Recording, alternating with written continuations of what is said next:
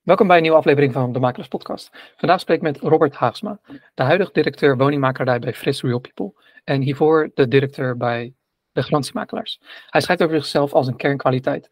Op basis van de omgeving een propositie uitwerken en deze succesvol in de praktijk brengen. En hier gaan we het vandaag ook uitgebreid over hebben. Goedemorgen Robert. Goedemorgen Jim. Om meteen met mijn eerste vraag te beginnen. Hoe ben je in de makelaarij terechtgekomen? Ja, dan moet je altijd even nadenken, want het is even geleden. Ehm, ja, mijn vader die, eh, die was vroeger eh, ja, eigenlijk na zijn normale werk actief in vastgoed. Dus hij kocht en verkocht wel eens wat, met name voor de belegging. En zo ben ik denk ik eh, voor het eerst daarmee in aanraking gekomen. ik ging wel eens mee, dan zag ik natuurlijk ook die makelaars hun werk doen. Ehm, en daarnaast ja, ontstond ook een soort van fascinatie voor architectuur. Ja, en als je dan uh, opgroeit, dan moet je ergens een keuze maken, hè, wat je wil gaan doen in je werkende leven. Uh, en wat mij met name aansprak in, uh, in vastgoed, maar ook makelaardij, is dat dat heel veel aspecten kent eigenlijk wat bij elkaar komt. Hè, dus je hebt het over juridische aspecten, maar ook bouwkundig, commercieel, marketing, nou ja, noem maar op. Zo kan je nog wel wat disciplines bedenken, waardoor het eigenlijk een heel veelzijdig vak is. En als het veelzijdig is, dan, uh, ja, dan hoef je ook niet zo snel te vervelen volgens mij. Nu ben je, nu ben je inmiddels, uh, ja, is het, zo'n 25 jaar verder uh, qua ervaring. ja. Trekt je dat nog steeds aan de makelaardij of zijn er echt specifieke dingen nu die je heel erg boeien aan het werk? Ja, het zijn, het, het zijn nog steeds wel zeg maar die combinatie van disciplines, zo wat ik interessant vind. Um, maar goed, eh, ik, ik, merk wel dat ik gaandeweg zat ik echt inhoudelijk in het vastgoed. Ik ben ooit bij een, eh, een, een grote belegger uh, beginnen te werken. Maar naarmate ja, mijn carrière vorderde, kreeg ik steeds meer interesse in, in, de, in de marketingkant van het verhaal. Uh, en als je naar de marketingkant kijkt, krijg je automatisch ook interesse in ja, hoe, hoe ervaart de klant dat nou eigenlijk en hoe kan ik daar maximaal op inspelen. Dus dat, dat is een beetje verschoven, zeg maar, in mijn carrière. Meer, meer van vastgoed inhoudelijk naar de marketingkant toe.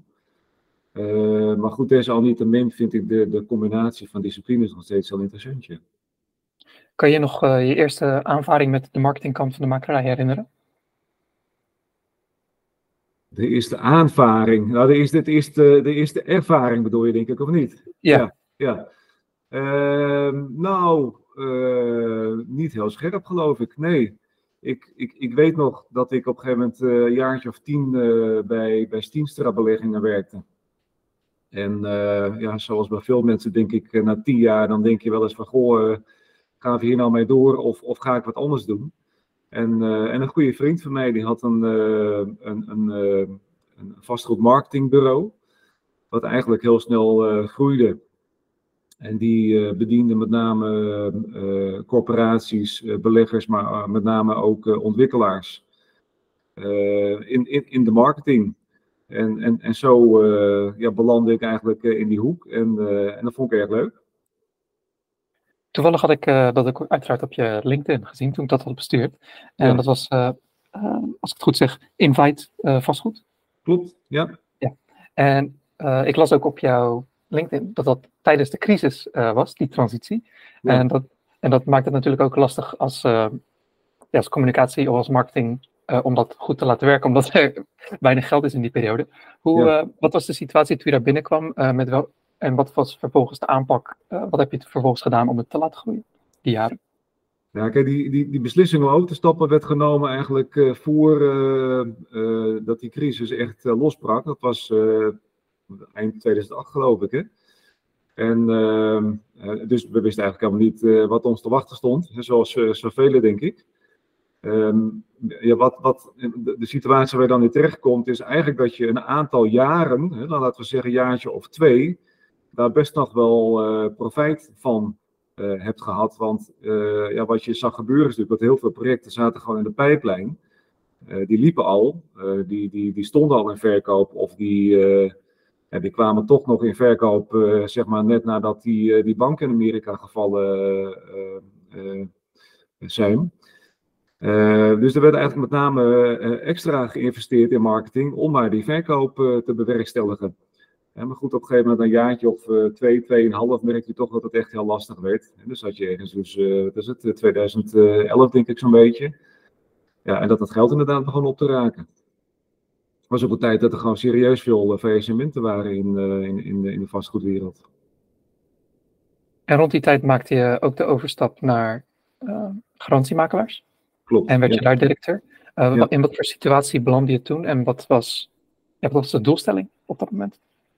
Ja, nou daar, daar, daar zocht ze met name iemand die uh, zowel verstand had van vastgoed als van marketing. Nou, dat is een combinatie, denk ik, die je niet heel veel aantreft. Dus dat was mij op het lijf geschreven. Um, ja, en ik heb, ik heb toch best wel lang in die makerdij uh, rondgelopen. Ook in de rol bij, uh, bij Stienstra Beleggingen. Dus ik vond het wel interessant om te kijken. Ja, hoe kunnen we nou zo'n club makelaars die eigenlijk allemaal zelfstandig opereren maar toch zich verenigd hebben.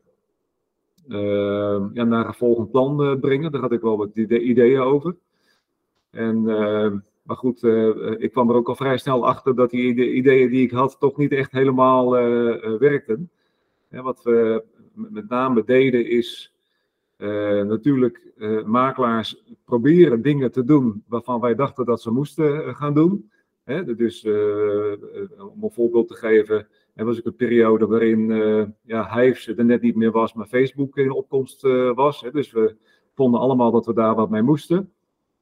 En vervolgens uh, gingen wij dan blogs bijvoorbeeld schrijven, hè, die ze op de website konden plaatsen. Maar dan moesten ze zelf dat uiteindelijk op hun eigen sociale kanalen gaan plaatsen.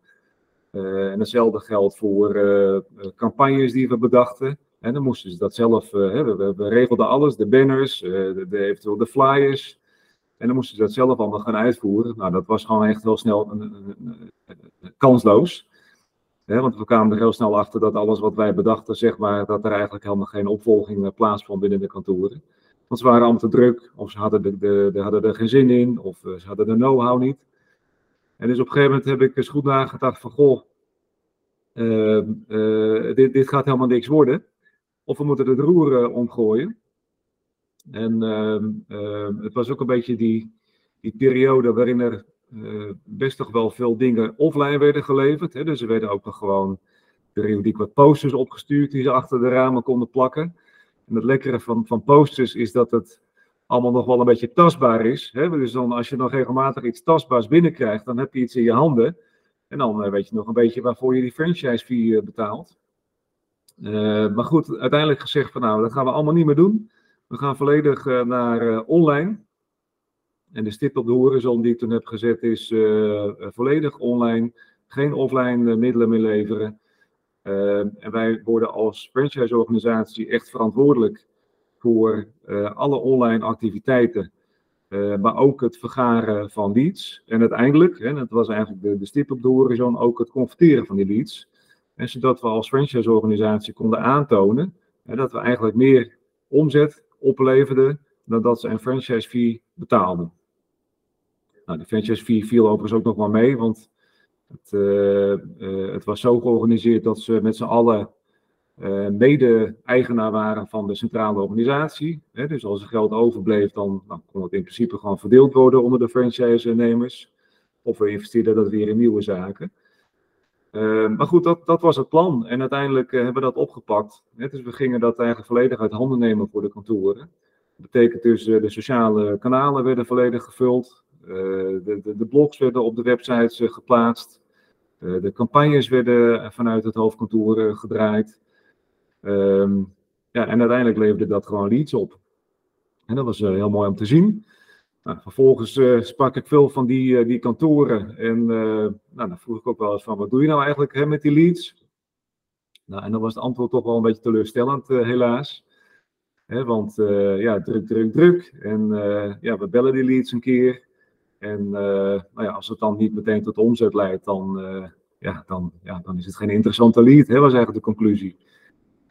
Nou, en een andere vraag die ik vaak stelde is van, uh, het was nog echt de, crisistijd, hè, want ik denk dat die makelaardij pas 2015 een beetje uit het dal kwam. Een andere vraag van, wat, wat doe je dan bijvoorbeeld met, bezichtigers? Ja, want ze hadden best wel veel bezichtigers. Um, En, en, en, de, en de opvolging daarvan was eigenlijk ook best wel heel teleurstellend. dus de ene gaf aan, nou, ik zet ze in het, uh, in het CRM-systeem, RealWorks. Uh, ik, uh, de ander zei van, nou, ik zet ze in het CRM-systeem en ik stuur, stuur ze een nieuwsbrief, periodiek. Ja, maar echt een soort van structurele oplossing was daar niet. Ja, en toen ontstond eigenlijk het inzicht van, god, daar moeten we wat mee. En nou, dat was eigenlijk de tijd dat we ook met van die online woningwaarderapportjes uh, gingen werken. En dat was een, uh, moet ik even denken, was volgens mij een, uh, een oplossing die Moving Digital destijds aanbood. Nou, daar waren we de eerste mee die daar mee ging werken.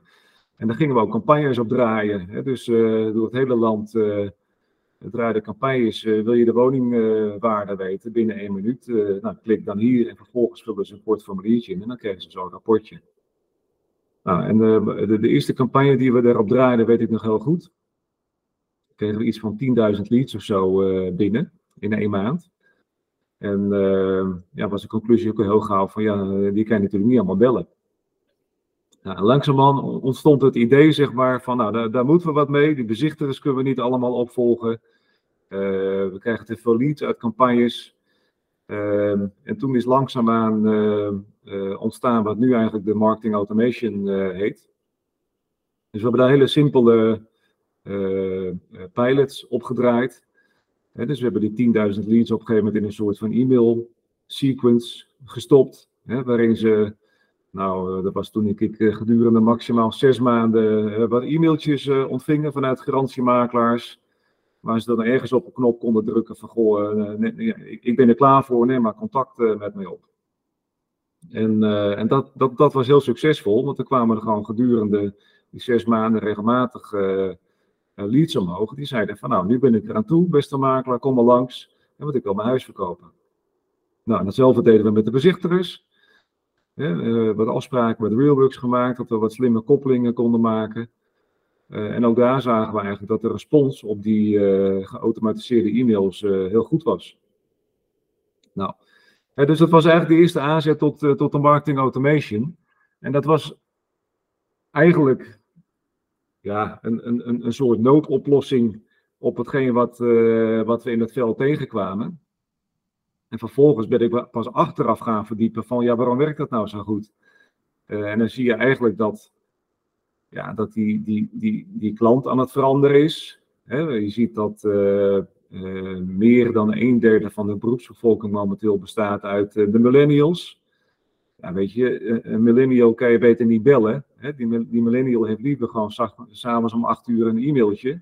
waarin hij kan reageren op, op de berichtering bijvoorbeeld. Ehm, die millennials hebben gewoon andere verwachtingen ten aanzien van de communicatie.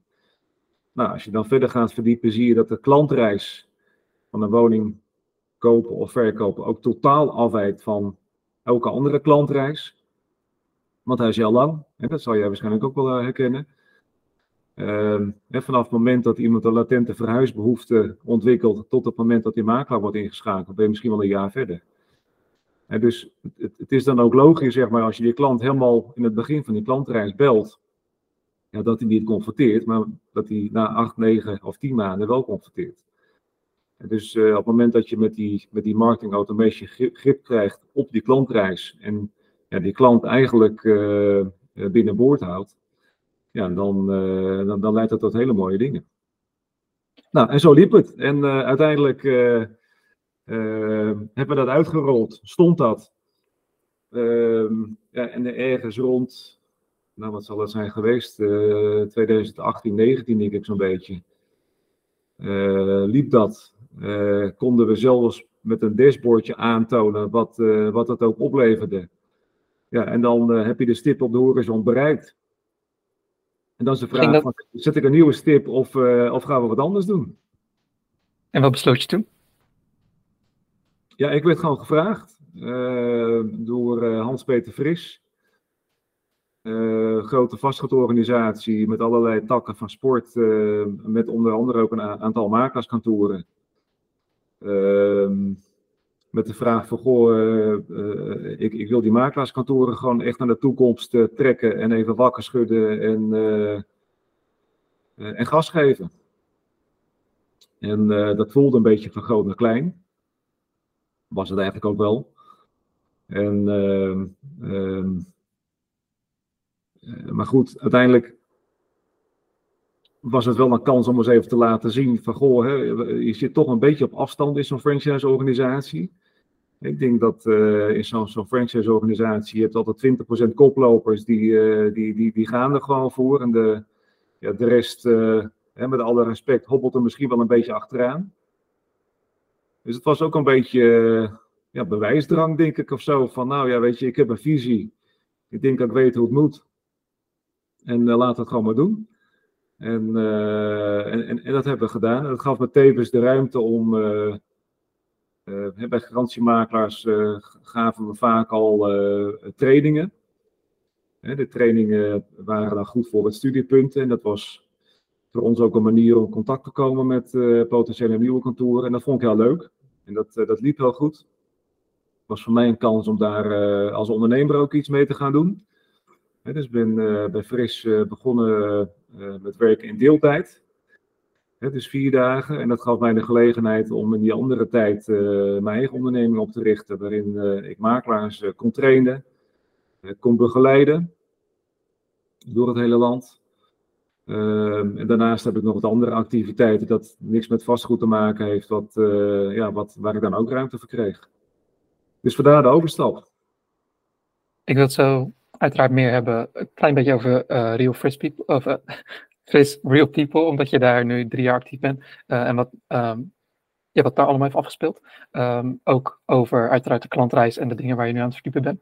Maar omdat je aangaf dat je nu ook ja, training aanbiedt en dat je ook een soort zelf ondernemer actief bent. En kan je daar iets meer over vertellen wat, op welke manier jij makelaars traint, begeleidt, helpt, ondersteunt? Ja, nou dan kom je toch weer een beetje op, op om je heen kijken, je omgeving en, en wat signaleer je dan? Nou, ik, ik, kwam natuurlijk vanuit garantiemakelaars of veel bijeenkomsten vanuit uh, eh, NVN bijvoorbeeld, of, of, of een funda. En ja, best interessant. maar wat, wat mij opviel is dat er dan uh, vaak uh, nou, wat, wat, op het podium stonden. Hè, die dan ja, een soort vergezicht aan het schetsen waren van waar de makelaar heen ging. En ten eerste vond ik het nogal deprimerend, want het kwam er eigenlijk op neer dat we geen werk meer hadden op korte termijn dus ik denk, nou, lekker is dat, dat je eigen brancheorganisatie uh, je, je de put in aan het praten is. en anderzijds kwam er dan een soort vergezicht over die makelaardij, waar je dan eigenlijk niks mee kon. dus dus eigenlijk te ver in de toekomst gekeken. Want ja, we, kunnen toch allemaal niet voorspellen hoe ons vak er over tien jaar precies uitziet. En dus wat ik een beetje miste, is de, de, de, praktische aansluiting uh, van wat je nou als makelaar ja, eigenlijk morgen kan doen om, uh, om het beter te doen dan, dan je concurrentie. En dat is helemaal niet zo moeilijk eigenlijk, want ehm, nou, dat is voor jou misschien ook wel herkenbaar. We zijn toch wel een beetje geneigd om allemaal een beetje hetzelfde te doen. En als je toch allemaal hetzelfde doet, dan val je niet op. En dan, dan is het voor de klant heel moeilijk kiezen. Want het is ook wel gewoon wetenschappelijk bekend dat eh, een, een, klant gemiddeld eh, eh, misschien wel drie makelaars uitnodigt. Ja, en als je dan allemaal ongeveer hetzelfde verhaal vertelt, is het natuurlijk heel lastig voor die klant om een keuze te maken. En word je toch vaak afgerekend op, op je quotage. En ja, dus da daar zag ik enorme kansen om een soort, nou ja, consultancy-achtige onderneming op te zetten die ja, praktische oplossingen biedt waar je eigenlijk morgen mee aan de slag kan. Helemaal niet ingewikkeld. Je kan het zelf doen. We kunnen het ook voor eh, de makelaar begeleiden. En ehm, eh, dat werkt heel goed. Ehm, en, en, ik kan het weten, want ik heb het namelijk zelf als een soort uh, militaire operatie toegepast bij Fris. En ehm, nou, ik ben nu 3,5 jaar onderweg. Ja, je ziet gewoon dat je met heel veel ingrepen gewoon enorme stappen kan maken als kantoor dus we groeien in bestaande bouw. Uh, we hebben eigenlijk, eigenlijk alles leeggeveegd. Uh, we hebben heel veel mensen uitgewisseld. Hè, want nou, mijn visie is dat de toekomst ligt echt in de combinatie van echt persoonlijk contact. Dus de mens in combinatie met vergaande digitalisering. Dus je hebt vaak ook andere mensen nodig uh, als je die, die visie hebt. Nou, dat hebben we gedaan, veel mensen uitgewisseld, het hele proces opnieuw neergezet, goed gekeken van goh, gaan we hier nou persoonlijk contact toevoegen of gaan we digitaliseren of geven we de klantenkeus, kan ook nog. Ehm, ja, en zo zijn we gaan bouwen, gekeken van nou, wat zijn nou onze kernwaarden, hoe kunnen we dat voor het voetlicht brengen en hoe kunnen we nou bepaalde uh, momenten in die klantreis pakken, waardoor we het net even ja, leuker, anders en beter doen dan een ander. En uh, ja, nogmaals, dat, dat werkt heel goed in de bestaande bouw, uh, maar ook in de, in de nieuwbouw. Ja, zie je gewoon als je daar een goede onderscheidende propositie neerlegt. en je weet dat voor het voetlicht te brengen bij professionele opdrachtgevers. Ja, dat dat gewoon meters maken is dus ik weet dat we in vrij korte tijd al snel iets van een miljoen euro nieuwbouwomzet binnenhaalden. Ja, tot de tijd even tegen ging zitten, moet ik zeggen, want momenteel is het wat lastiger. Ehm, we werden vrij snel genomineerd bij de Nationale Makelaar Awards. Dus dat was een, een, een, een, mooie nominatie. Ehm ja, en, en wat we ook deden is bijvoorbeeld de, de vervangen. Want ja, eh, elke, elke makelaar heeft ongeveer hetzelfde bord. Er staat de koop op en er staat het telefoonnummer op en er staan allemaal logo's op, eh, vaak uh, NVM en nou, verzin wat er nog maar meer, meer op staat. En ja, die te koopborden is eigenlijk zoiets als een, een bezoek aan een tankstation of een supermarkt de laatste keer weet je nog wel, maar de, de ene laatste keer weet je het eigenlijk niet. Want het gaat eigenlijk altijd precies zoals, zoals, zoals het altijd gaat, toch? Tenzij er iets geks gebeurt. En dan, uh, dan onthoud je het in één keer. dus wat we deden is uh, ja, een beetje gekke borden maken. Er stond heel groot op, uh, is dit hem dan? Of hier hokken met een groot vraagteken. Of huisje, boompje, feestje. geen telefoonnummer, alleen een webadres. En, en ik weet nog in het begin, toen we die borden op gingen hangen, had ik wat professionele opdrachtgevers, ontwikkelaars, die dan, nou, had er een afspraak mee. En die zeiden vervolgens, nou, jullie gaan wel echt heel goed, hè? Nou, en dat viel op dat moment nog wel een beetje mee. We waren met name nog in die veranderingsoperatie. Um, maar het enige verschil wat, we, wat, er was, is eigenlijk dat er andere borden hingen. En die borden bleven in één keer hangen. En wat het bleef hangen, dacht iedereen van, goh, het gaat heel goed met die gasten dus dat zijn van die kleine dingen, waardoor je als makelaar gewoon een enorm verschil kan maken, waardoor je in één keer wel opvalt en mensen je onthouden. Zo simpel is het. Richtte je, je had het zojuist bij Fris over uh, de nieuwbouw, noemde je even. Was dat een specifiek aandachtspunt binnen de woningmakerij waar je op wilde richten? Ja, ja, ja we waren al actief in nieuwbouw, maar op een wat kleinere schaal. Ja, en als we gewoon naar de toekomst uh, keken, zagen we in en om Amsterdam ontzettend veel uh, nieuwbouwontwikkelingen. Um, ja, en dat is natuurlijk een enorme aanjagen van je kantoor. Hè, want uh, het, gaat vaak om, om grote aantallen. Hè, dus, dus gewoon qua, qua omzet is het natuurlijk interessant. Maar er zit ook vaak heel veel kruisbestuiving in naar bestaande bouw dus als je een nieuwbouwwoning verkoopt, dat zijn vaak ook weer mensen die een bestaande woning te verkopen hebben. Dus daarmee heb je gewoon een hele mooie aanvulling eh, binnen je makelaarskantoren om, eh, om, om, om te, kunnen, te kunnen groeien. Het is overigens wel heel conjunctuurgevoelig, hè, want je ziet nou zeg maar nu de, nu de markt uh, wat tegen zit, omdat die hypotheekrente uh, verhoogd is en, en bouwtijden lang zijn, zie je dat met name de nieuwbouw koopmarkt het zwaar heeft. Nieuwbouw, verhuur eh, gaat juist heel goed. Ehm, ja, en dan, dan, dan, dan zit het even tegen. Maar goed, dat is, dat is ook een beetje natuurlijk de, de business waar we in zitten.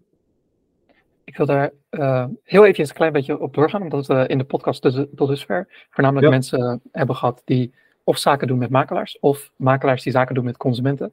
En bij nieuwbouw, uiteraard verkoop je aan consumenten, maar om nieuwbouw aan te trekken als kantoor, moet je met ja, projectontwikkelaars, architecten en dergelijke spreken.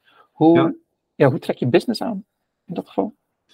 Ja, ik, ik denk dat het van belang is dat, dat, dat je er wel al actief in bent in nieuwbouw. Ik denk als je er niet actief in bent, dat het best lastig is zeg maar, om, uh, om dat netwerk op te bouwen. Uh, bij, wij zitten bij Fris al in een behoorlijk breed netwerk, dus de contacten zijn er vaak wel, alleen, alleen de opdrachten waren er nog niet. dus ehm, ook in dit geval is het denk ik enorm people business, maar ook weer de combinatie met digitalisering. Dus ik, ik, ik denk dat het van belang is om een soort vertrouwensband op te bouwen met je opdrachtgevers. Uh, dus het begint gewoon met, uh, met, met het, het, menselijke contact. En vervolgens hebben we best heel veel tools ingekocht, hè, waardoor we onze opdrachtgevers eigenlijk heel goed en snel kunnen adviseren. denk aan tools uh, waar je uh, op plotniveau, hè, kan je gewoon een plot intekenen, uh, waar het bouwproject gaat plaatsvinden. En die op basis van artificial intelligence voorspelt hoe de woningvraag op die plek in elkaar zit, hè, zodat je eigenlijk het beste zou kunnen bouwen. Vervolgens ook wat de vierkante meterprijzen, verkoop en verhuur zijn van die bebouwing. Nou, dat klopt niet altijd, hè, dus daar, daar, daar komt je marktkennis ook wel van pas om te kijken van nou klopt het of, klopt het niet. Hè. Dus je, hebt natuurlijk altijd nog de kans om dat zeg maar zelf aan te vullen. Maar daarmee konden we heel snel schakelen. Uh, we kunnen fantastische buurtrapporten genereren. Hè, dus uh, ook, ook daar kunnen we eigenlijk binnen een kwartier fantastische rapporten leveren. Hè, met vierkante meterprijzen. Hoe is die buurt opgebouwd? Uh, hoe zitten de voorzieningen in elkaar? Uh, zowel koop als huurmarkt. Uh, dus alles zit erin. dus al die ontwikkelaars in ons netwerk die ehm, ja, eigenlijk continu bezig zijn met het kijken en verwerven van toekomstige locaties. Ja, die kwamen vervolgens na de eerste contacten bij ons terug. met de vraag: goh, kan, kan je me adviseren? Nou, dat konden we wel goed dus uh, daar hebben we behoorlijk in, uh, geleverd. Ja, en uiteindelijk uh, leidt dat dan vaak toch tot die, tot die verhuur- of verkoopopdracht. En ik denk ook, ook, ook dat laatste staartje hebben we een goede methodiek ontwikkeld met de CRM-systemen die, die er zijn. We werken veel met Nieuwe Office bijvoorbeeld. daar kunnen we ons proces goed in kwijt. proberen we ook weer meerwaarde te leveren voor onze opdrachtgevers. Een stukje dynamische prijzing bijvoorbeeld. Hè, waardoor die ontwikkelaar ook het gevoel heeft dat, uh, dat we als makelaar echt uh, het onderste uit de kan halen. Want ja, uiteindelijk draait het toch om centjes. Um, ja, ik, ik, toch net even iets anders doen dan een ander, denk ik. Duidelijk, nee, bedankt uh, dat je even meeging in dit, in dit zijsprongetje. En ik wil het zo dadelijk ook over de klantreis verschillende overeenkomsten hebben tussen nieuwbouw, nieuwbouw verkopen en bestaande bouw verkopen aan consumenten. ja. Maar je noemde iets eerder bij Fris dat je alle, dat bij het beginpunt was, wat zijn de kernwaarden? En ik ga ervan uit dat het bij garantiemakelaars toen je daar begon, dat dat ook het geval was van wat zijn onze huidige kernwaarden en wat zijn de kernwaarden die we uit willen dragen richting de toekomst. En ik denk, of ik ga ervan uit dat dat ook het, het geval is met makelaars die jij nu wil ondersteunen. Zou je iets meer kunnen vertellen over dat ja, soort dag één of, of het eerste A4'tje wat je doet, wat is de situatieschets? Of wat zijn de vragen die je stelt uh, om erachter te komen van waar staan we nu en waar willen we heen? Ja, nou ja, uh, dat, dat, dat, dat is ook gewoon veel praten, denk ik. Hè, met, uh, met, met de directie, maar ook gewoon met het team. Um, en, en, dat kan je ook uitvragen. Hè. We werken in onze trainingen veel met DNA-waarden. En dat kan je toepassen op mensen, maar dat kan je toepassen op organisaties. Dat is gewoon het model van Jung. En uh, dat, dat, kent twee assen, uh, introvert, extrovert. En uh, moet ik even denken, ik heb hem even niet meer gebruikt. Nou, in ieder geval kent vier kwadranten. Ehm, en ehm, eh, dat is ook gewoon een invuloefening die je kan laten doen door een directie of door een heel team. Waardoor je een beetje inzage krijgt van waar, waar, waar, zit je nou eigenlijk als, als persoon of, of bedrijf. En maar, maar daar staat nog even los van waar je zelf naartoe zou willen natuurlijk. Hè? Want als jij uh, tot ontdekking komt van, goh, ik, ik, denk dat dat persoonlijk om contact heel belangrijk is. En je hebt te maken met mensen die eigenlijk huizen leuker vinden dan mensen. Uh, ja, dan wordt het best ingewikkeld. Uh, maar wat ik wel vind, en dat, dat merk ik in onze trainingen ook, als je die mensen hun DNA-waarden laat invullen, je kijkt vervolgens, komt dat dan goed terug? in de communicatie van jouw kantoor, uh, dan is dat eigenlijk in 90% van de gevallen is dat niet zo. Kijk, en wat ik uh, uh, vaak doe, is ik laat dat invullen. Ehm, op basis daarvan kies je een aantal kernwaarden die je gewoon op de voorgrond wil, wil communiceren. Dat moet eigenlijk terugkomen in alle communicatie van het bedrijf. En dat als een klant voornemens is zijn woning te verkopen en dan bezoekt jouw website, hè, dat hij zich aangesproken voelt. Hè, dat er eigenlijk op basis van de website al een soort van DNA-klik is. Um, en als je die makelaar uitnodigt, dat dat ook een, een logisch vervolg is van die DNA-klik. Dus ik denk dat het heel vaak zo is dat, dat, dat mensen een website bezoeken en dan komt er vervolgens iemand van het makelaarskantoor langs. En dan, dan, dan strookt dat niet met hetgeen wat op de website staat. dus ik denk dat we allemaal wel bepaalde voorkeur hebben voor bepaalde type mensen of bepaalde DNA-voorwaarden. Ja, en dat moet eigenlijk meteen al uh, als een warm bad voelen. En, en, en, en die DNA-lijn moet ook, en ook klantcontact doorgetrokken worden. En dat kan je zelfs ook op de website doen, uh, door bijvoorbeeld uh, de mensen al toe te spreken. Hè, op friswonen.nl zie je bijvoorbeeld als je bepaalde pagina's bezoekt, dan word je toegesproken door een van onze medewerkers. Je bedoelt met het videootje links onderin, toch?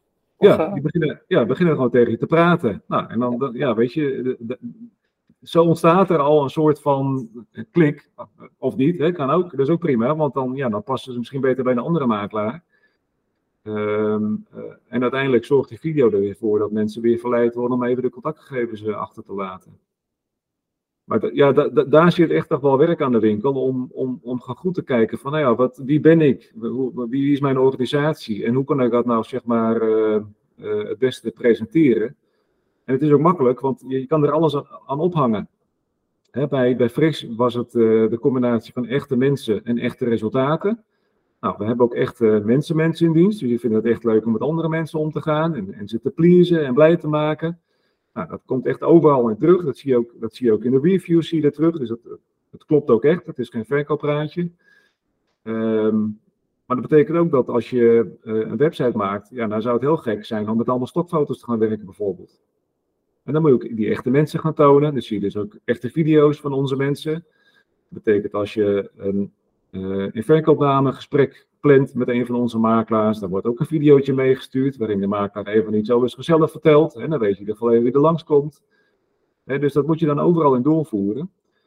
Um, ja, en hetzelfde geldt voor echte resultaten. Dan moet je ook laten zien dat je goede resultaten boekt. En dus je kan er alles aan ophangen. Dat betekent dus als je nou, weet ik veel, een, een, een, een, een, een campagne uitzet of een foldertje maakt, ja, dan weet je heel duidelijk zeg maar, wat er altijd in terug moet komen, want dat zijn je kernwaarden. Wat, ik stel trouwens voor, omdat je het over Jung had en de DNA-test, mocht jij zelf iets hebben wat je wil delen, kan ik dat in omschrijving plaatsen en anders zoek ik, ik, wel, zoek ik wel iets zodat het duidelijk is voor uh, kijkers en luisteraars. Ja, ja. Uh, wat zie jij vaak bij andere makelaars een soort fout gaan? Um, dus ze hebben misschien waarden, maar ze dragen het misschien niet goed uit of uh, de systemen sluiten er misschien niet goed aan. Ja, nou ja, ik, de wil is er wel, denk ik. Alleen je ziet dat het merendeel van de makelaars in Nederland uh, is gewoon meewerkend voorman of voorvrouw. En dat betekent dus dat er helaas te weinig tijd is om even de helikopterview uh, te pakken. Uh, en, en, en, conclusies te trekken wat er dan vervolgens moet gebeuren. Uh, en dat dan vervolgens ook nog eens een keer uit te voeren. Dus in, in mijn trainingen zijn mensen gedwongen om even een dag uh, niet te werken. en dan zie je vaak dat er enorm veel enthousiasme is om, om ergens mee aan de slag te gaan. Hè, want dat is eigenlijk het hoogste doel. Dat ze iets meenemen die dag waar, waar ze morgen mee aan de slag willen. Maar het komt er eigenlijk gewoon nooit van. Uh, want de volgende dag uh, ja, zitten ze weer in de dagelijkse sleur en dan, dan gebeurt het niet. En, en, dat, is het grootste issue. En daarom zie je ook de kantoren die iets groter zijn en mensen hebben die zich vrij kunnen maken om nou ja, uh, bezig te zijn met de strategie. Maar bijvoorbeeld ook eigen marketingmedewerkers hebben. En dat zijn wel de kantoren die met name de afgelopen jaren, met, met name na de crisis, marktaandeel gepakt hebben ten koste van de kantoren die ja, niet in staat zijn om dat te doen. Uit nieuwsgierigheid, heb je dan ooit over, omdat je ziet dat het een soort pijnpunt is, heb je ooit overwogen om zelf of een marketingbureau te starten of met een marketingbureau te werken die dat ook meteen het implementatie kan verrichten voor specifiek voor makelaars? Zeker, en ik, ik heb het ook wel gedaan voor kantoren. En, en ehm, het is onvoorstelbaar wat voor resultaat je kan boeken versus de kosten die ze maken. Maar het enige wat ze zien zijn de kosten. dus je, je, je moet natuurlijk wel een beetje inschatten van nou, ik kan dit en dit voor je doen. En uh, nou, dit is het uurtarief, dus het kost ongeveer zoveel. En vervolgens zie je alleen maar de kosten. En, en, en uh, ik weet 100% zeker dat het veel meer gaat opleveren dan het kost. Ja, dat, dat, dat zie ik bij Fris aan alle kanten gebeuren. Um, maar toch, toch overeenst die kostenkant dan. Ja, misschien kan ik het gewoon heel slecht verkopen, dat kan ook. maar uh, ja, dat is toch wel een dingetje. Ik, ik ken echt kantoren, ook grotere kantoren, die al jarenlang plannen hebben van we moeten iets. En het ligt, uh, we hebben een nieuwe website, zijn we al jaren mee bezig. Ja, denk ik, ja, op het moment dat je hem nu in de lucht helpt, dan is hij alweer verouderd waarschijnlijk. Uh, maar het komt er dan niet van. En dat, dat is toch wel kenmerkend voor, voor, voor de makerdij. Wat voor, om een soort juiste verwachtingen te scheppen, wat voor termijn kijk jij over het algemeen naar, voordat je een soort echte rendement zou verwachten? Ja, dat, dat, dat hangt er een beetje vanaf. Maar ik denk, als je het gemiddelde makelaarskantoor pakt, denk ik dat je terugverdientijd altijd wel binnen een jaar ligt. Het gaat niet over enorme bedragen. Hè. Kijk, over het algemeen heb je gewoon iemand nodig die ervoor zorgt dat dingen gedaan worden. Nou, dat, dat, dat, zijn, dat, dat is niet een enorme urenbesteding. Uh, en je zult wat, wat tools in moeten kopen uh, die op maandelijkse basis betaald moeten worden. Maar ja, weet je, we hebben het niet over gigantische bedragen, terwijl de omzet uit een verkoopopdracht toch wel substantieel is. Dus vaak komt het erop neer. Ik denk, als we naar een marketing automation systeem kijken, hè, waarin je in staat bent om al je bezichtigers op te volgen. Ik denk, als je één opdracht eruit zou halen, dat je eigenlijk de, de kosten voor je, je, je software alweer terugverdiend hebt. Nou, dat, dat moet volgens mij altijd kunnen binnen een jaar. Ja, precies. En ik kijk tegelijkertijd ook met een schuin oog naar de, uh, de tijd die wij nog, nog over hebben. En er zijn heel veel vragen die ik nog wil stellen. Maar ik wil ook ervoor zorgen dat jij hetgeen kan vertellen wat je graag zou willen delen. Of wat je denkt dat heel waardevol is voor makelaars. Is er ja. van jouw kant een specifiek onderwerp waar je het graag over wil hebben? Um, nou, ik zie wel wat verschuivingen plaatsvinden, met name in adverteren. Hè. Dus uh, uh, een tijdje terug heeft Meta de regels veranderd. Hè, waardoor je niet meer heel gericht kan targeten. Dus het is een beetje met hagel schieten wat we nu aan het doen zijn.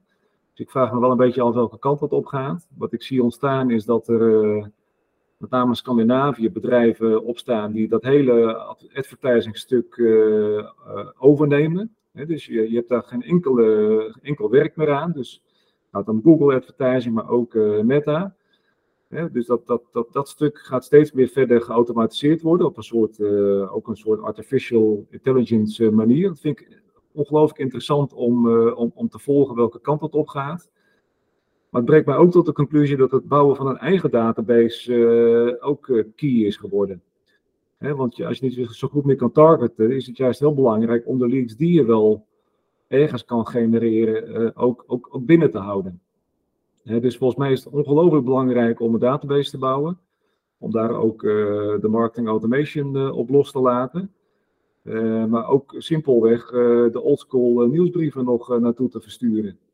Ik denk dat wij op jaarbasis zeker een lead of 60 uit onze nieuwsbrieven halen een nieuwsbrievenbestand van ongeveer 25.000 mensen. Um, ja, en dan zie je gewoon dat dat eigenlijk best wel een oldschool oplossing uh, is die nog steeds uh, tot ontzettend veel uh, omzet kan leiden. En dus denk ik het binnenboord houden en het bouwen van die, die database voor je leads is denk ik steeds belangrijker geworden omdat de target minder gaat. Um, ja, en, en gewoon kijken van hoe kan ik Mansmaka nou onderscheiden. Een van de dingen die mij opvielen is dat we en met we bedoel ik Makelaar Nederland, eigenlijk heel uh, matig zijn in het uitbrengen van offertes. dus we besteken heel veel effort in het uh, vergaren van leads. Vervolgens uh, mogen we dan op gesprek, er zit er vaak een concurrentie. Ja, en wat stuur je die klant dan na? En op een gegeven moment zijn wij met een offerte tool gaan werken. En dat is wel een van de dingen waar de deelnemers van mijn trainingen vaak van onder de indruk zijn. Een offerte tool die we gewoon extern ingekocht hebben. Het ziet er fantastisch uit. Hij is helemaal zeg maar responsive. Hè, dus goed leesbaar op alle, alle devices. waarin je gewoon als makelaar goed uitschrijft van wat bedoel ik nou allemaal precies voor je. Hè, welke makelaarswerkzaamheden verricht ik voor je? Wel, welke presentatiemiddelen bied ik aan? Eigenlijk zouden we daar ook, en dat is de volgende stap wat mij betreft, ook meerdere coutagemodellen in moeten zetten. Dat de klant kan kiezen, wil ik een fixed price of ga ik voor een percentage of ga ik voor een bonus. Uh, en dan krijgen we ongelooflijk goede respons uh, op van onze klanten. want stel je voor, je hebt drie makelaars uitgenodigd. En ja, waarschijnlijk twee van de drie sturen je een mailtje of misschien een pdfje. Uh, en, en de, de, andere stuurt een fantastisch uitgewerkt online offerte je kan er video's in kwijt, je kan er alles in kwijt. En daarmee maak je wel net even het verschil en zorg je er gewoon voor dat je die, uh, die omhoog krijgt.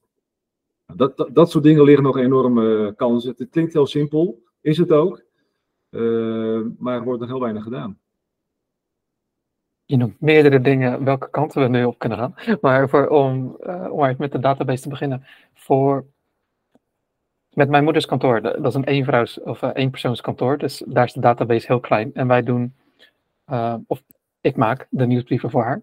En wij sturen dan één keer per maand, omdat, omdat de database dus vrij klein is. En wij proberen er ook persoonlijke verhalen in te verwerken om op die manier een soort persoonlijke band op te bouwen. Dat is echt een soort de key waar wij, of de kern waar, waar wij voor gaan.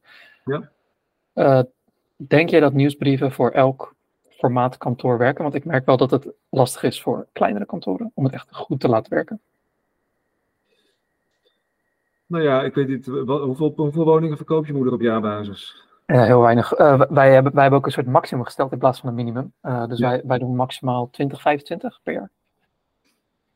Ja, maar goed, je zou toch 10 bezichtigingen gemiddeld per jaar hebben. Dus je gaat naar 250 uh, bezichtigers per jaar die je theoretisch in je database kan toevoegen, toch? Ja. Ja, ja maar je zou bijvoorbeeld ook uh, campagnes kunnen uitzetten uh, dat noem ik dan altijd zeg maar de, voor, voor de softe conversies, hè, waarin je iets weggeeft. Hè, dat kan een whitepaper zijn of zo, tien aankooptips, ik noem maar wat. Ja. Of, uh, of een woningwaarde, weet ik veel wat. Hè, waarin je zeg maar die leads weer uh, toevoegt aan je, aan je database. En het is natuurlijk wel zo, hoe meer volume je hebt, hoe, hoe meer conversies. Dat is vrij simpel. Hè, want ja, we hebben er 25.000 en we halen er 60 conversies ongeveer uit op jaarbasis. Dus uh, je kan wel natellen wat het dan bij 250 moet zijn. Maar ik denk ook dat dat gaat veranderen. Kijk, uh, de attentiewaarde van nieuwsbrieven is natuurlijk uh, eigenlijk helemaal niet zo best. Um, ik zie daar ook wel verschuivingen plaatsvinden, bijvoorbeeld naar sms of WhatsApp. Ik kan me voorstellen dat we straks misschien zelfs de marketing automation naar WhatsApp laten verschuiven. En dan is dat, de attentiewaarde natuurlijk weer veel groter. Wat, omdat je ook marketing automation bij garantiemakelaars, dus dat is alweer jaren geleden, hebt ingezet. Ja. Wat, en ook uh, nieuwsbrieven heb je ook bij garantiemakelaars gedaan? Ja. Wat voor, als je kijkt naar destijds, uh, dan nu misschien met Fris, en wat je ook, waar je ook een soort naar de toekomst kijkt, eventueel als het met WhatsApp of met sms-berichtjes zou zijn. Ja. Wat inhoudelijk gezien is hetzelfde gebleven en wat is er veranderd?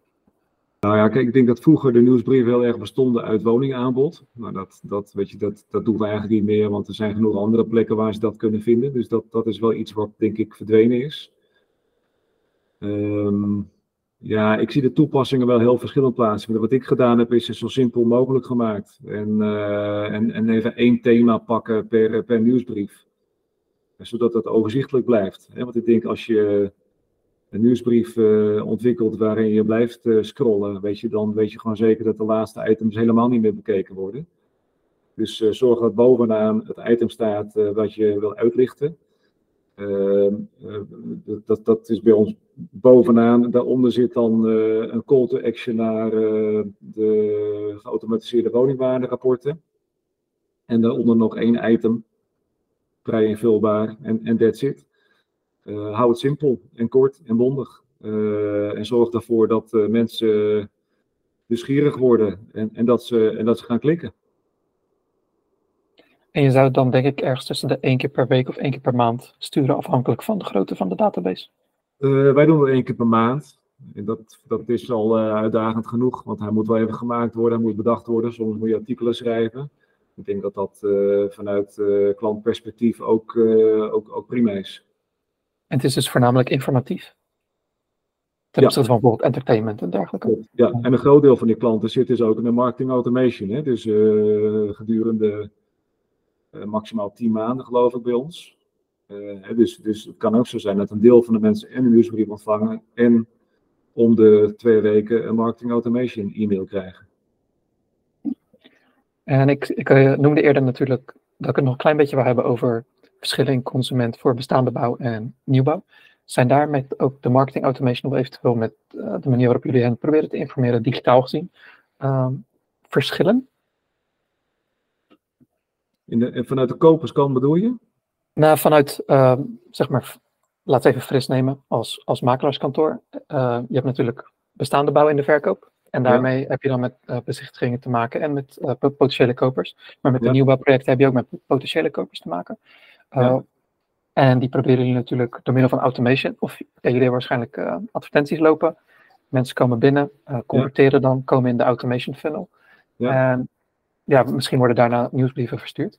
Mijn vraag is uh, tussen die twee groepen, omdat het ander soort objecten zijn. Ja. Waarin zitten verschillen qua informatie of, ja, hoe zeg je dat?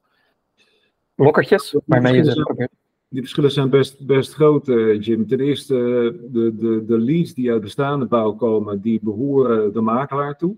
Hè, om het zo maar even te zeggen. Mm De leads die vanuit de nieuwbouw binnenkomen, die behoren de ontwikkelaar toe. Dus dat zijn feitelijk niet onze leads. Hè, dus die mag ik niet zo even uh, in mijn nieuwsbriefbestand toevoegen, bijvoorbeeld. Um, de leads vanuit bestaande bouw lopen ook het bestaande CRM-systeem binnen, in ons geval RealWorks de leads voor nieuwbouw lopen vaak een, ander CRM-systeem binnen. dat zijn uh, de nieuwbouw-offices uh, van Xiteris bijvoorbeeld van deze wereld. Uh, dus dat vindt, bevindt zich ook in een andere omgeving. Het, het, het, het lastige ook wel weer is dat bijna elke ontwikkelaar weer een ander CRM-systeempje heeft. Dus we werken wel eens met vier, vijf verschillende CRM-systemen. De marketing automation heeft daar nog niet echt zijn intrede gedaan. Dus daar liggen nog wel kansen, denk ik. Ja, met name om die nieuwbouwleads uh, nou ja, mee te nemen voor een wat langere periode. Dat wordt nu vaak ja, toch wel of vanuit de marketingbureaus of vanuit het makelaarsteam geïnitieerd om daar periodiek een nieuwsbrief naartoe te versturen. Maar niet op een marketing automation-achtige manier. Dus er zitten wel, uh, wel verschillen in. Overigens kunnen het ook dezelfde kopers zijn. Hè? Dus het is niet per definitie zo dat iemand die naar een nieuwbouw kijkt niet voor bestaande bouw zou gaan. Hè? Want inmiddels zijn de bouwtijden zo lang, twee, tweeënhalf, drie jaar. Hè? Terwijl je gedurende die bouwtijd ook nog uh, je, je bouwtermijnen moet afnemen. Tegen een hoge overbruggingsrente. Waardoor je eigenlijk een heel groot deel van die mensen die vlucht eigenlijk weer naar de bestaande bouw. Ja, ik snap het. Ja, dat, is, dat is best wel uh, duidelijk. En we beginnen langzaam maar zeker tegen het einde aan te lopen. Ik wil jou nog uh, een klein beetje carte blanche geven, uh, maar ik heb daarvoor nog één vraag. want je noemde eerder al meerdere tools, niet specifieke tools, maar je noemde tools in het algemeen. En je zei ook dat je naar het buitenland keek voor wat voor ontwikkelingen daar plaatsvinden. Voor mensen die aan de hand van dit gesprek geïnteresseerd zijn in deze onderwerpen, waar zou je ze naar willen verwijzen? Naar wat voor websites of wat voor nieuwsbrieven of wat voor tools? om ja, meer over het onderwerp te leren en ook het, ook te gebruiken? Nou, ten eerste vind ik het heel bijzonder dat als je een bezichtiging wil aanvragen, uh, dat je dan nog de makelaar moet bellen of mailen. Ik woon zelf in Friesland. Uh, ik krijg het, ik, ik heb zeg maar een soort uh, account funda. Ik vraag al het woningaanbod. Ik krijg hele, de hele week niks, behalve het weekend. En dan uh, stel mijn droomhuis staat daartussen, dan kan ik die makelaar niet bereiken. dus die makelaar die krijgt heel veel e-mails over dat huis. Uh, en dan moet ik als klant maar wachten tot maandagochtend. Nou, als het mijn droomhuis is, voelt dat voor mij al oncomfortabel dat ik zo lang moet wachten. En dan de binnendienst die uh, opent maandagochtend het kantoor en die, die wordt er ook niet blij van. Dus er wordt helemaal niemand blij van de manier zoals we het nu doen, zeg maar. Terwijl als ik uh, de bandenwissel wil doen of uh, naar de kapper wil, dan doe je dat gewoon uh, online. Hè, regel je die afspraak. Ja, ik begrijp gewoon niet dat dat, dat dat niet kan. En dat kan, dat kan eigenlijk overal ter wereld, behalve in Nederland. Dus volgens mij is daar nog werk aan de winkel bij, bij met name RealWorks bijvoorbeeld. Nou, dat gaat zeker gebeuren. En dat, dat gaat ook voor de makelaars gaat dat gewoon veel fijner worden en, en, veel efficiënter. Want het kost ongelooflijk veel tijd. Terwijl niemand er echt blij van wordt. Dus dat, dat, is één, dat gaat gebeuren. Uh, twee is die Scandinavische partijen inderdaad, denk ik dat die nog wel eens uh, interessant kunnen gaan worden. Eén daarvan is uh, Marketer. die heeft onlangs Moving Digital overgenomen. Ehm, die zijn eigenlijk door heel Europa al actief in de nieuwbouwmarkt, maar ook in de bestaande bouwmarkt. Dus dat is one to watch, zou ik zeggen. Want die gaat, die gaat nog wel met mooie dingen komen. Uh, Ad Phoenix is bijvoorbeeld zo'n partij. Die werkt volgens mij over de hele wereld inmiddels. Die uh, voor makelaars en ontwikkelaars uh, volledig geautomatiseerd advertenties voor, je, voor je regelt. Um, ja, en, en, en een van de laatste is ook nog wel interessant. Wat ik altijd bijzonder vind, is dat we heel veel inspanningen leveren om zeg maar, die klant te scoren. En hebben die klant gescoord en dan uh, is de factuur verstuurd en dan, uh, dan, dan houdt het vaak op. Hè? Chargeer natuurlijk wel een beetje, het is een beetje zwart-wit. Maar ik denk dat de grootste uitdaging is van hoe, hoe krijgen we nou die klant als je over 7, 8 of 9 jaar weer gaat verhuizen weer terug. En je ziet dat er langzamerhand daar ook wat tools voor ontstaan. Ik weet, ja, Digital heeft daar wat voor. We zitten even te checken hoe dat nou ook alweer heet. Die duurzaamheidscheck? Of bedoel je, dat was een nieuwe tool die ze hadden? Ja, ik zit even te kijken. Ik heb hem ergens staan. Nee, dat is niet de duurzaamheidscheck. Maar dat is ook nog wel interessant trouwens om even iets over te, te melden. Oh ja, homestads. En dus dan krijg je gewoon als je een huis verkocht hebt of een huis gekocht hebt via de makelaar, krijg je gewoon interessante updates over je woningwaarde, periodiek bijvoorbeeld. Ook interessant om even je WZ-waarde even te spiegelen bijvoorbeeld. Dus dat is nog wel een interessante. Ja, en duurzaamheid. Ik, ik, ik denk dat daar enorme kansen ontstaan. Ik denk als ik naar de, de, de, de toekomstige generaties kijk, maar ook de millennials, uh, hoe die kijken naar het thema duurzaamheid. Uh, en, en, en hoe we eigenlijk als voorgaande generaties uh, te veel van de planeet hebben genomen en dat, dat, dat zij daar nu zeg maar de lasten van moeten dragen, denk ik dat, dat als er nou een makelaar opstaat die dat duurzaamheidsthema echt volledig omarmt, uh, maar dan niet vanuit marketing, maar gewoon echt vanuit intrinsieke beweegredenen, ja, dat, dat je best wel succesvol kan zijn dus ga je in een CO2-neutraal kantoor zitten, zorg dat je elektrisch rijdt. En zorg dat het hele proces zo is ingericht uh, dat je gewoon, uh, ja, bij wijze van spreken, meer aan de planeet geeft dan dat je geeft als makelaar. Uh, dan dat je neemt, moet ik zeggen. denk ik dat er enorme klantgroepen geïnteresseerd zijn om jou als makelaar in te huren. Daar liggen nog wel kansen. Dankjewel ik ben in ieder geval een heel stuk wijzer. En alles wat je zojuist noemde, eh, en gedurende het hele gesprek, ik zal er mijn best voor doen om allemaal links erbij te vinden, zodat mensen zich daarin kunnen verdiepen. Ik hoop dat iedereen daar ook eh, veel van geleerd heeft. Ja. Uh, mijn afsluitende twee vragen uh, had ik je eerder ook al verteld. Uh, waar, en de eerste is een aanbeveling voor iemand. En daar, je had mij eerder verteld dat je ja, iemand in gedachten had. Ja, ja nou, ik, mijn trainingen doe ik niet alleen. sterker nog, dat kan ik ook niet alleen, want dat kan ik alleen maar met Joost Roede samen. Ehm, en waarom? Nou, Joost is uh, afgestudeerd in TU Delft en heeft ongelooflijk veel verstand van, uh, van, uh, van klantverwachting, klantbeleving, klantreis. Hè, dus de, de, de, twee eenheid die we vormen is dat ik het met name vanuit het perspectief van de makelaardij belicht en dat hij het zeg maar vanuit de ogen van de klant belicht. En dat vult elkaar heel goed aan. En uh, ik denk dat Joost uh, hele interessante dingen kan vertellen over uh, nou ja, hoe, hoe, de, hoe, de, klant aan verandering onderhevig is.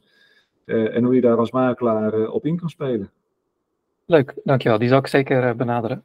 En ja. om het dan af te gaan sluiten en jou ook de ruimte te geven, zou je kunnen vertellen hoe mensen contact met jou kunnen opnemen voor de trainingen die je biedt en ook voor buiten de training om?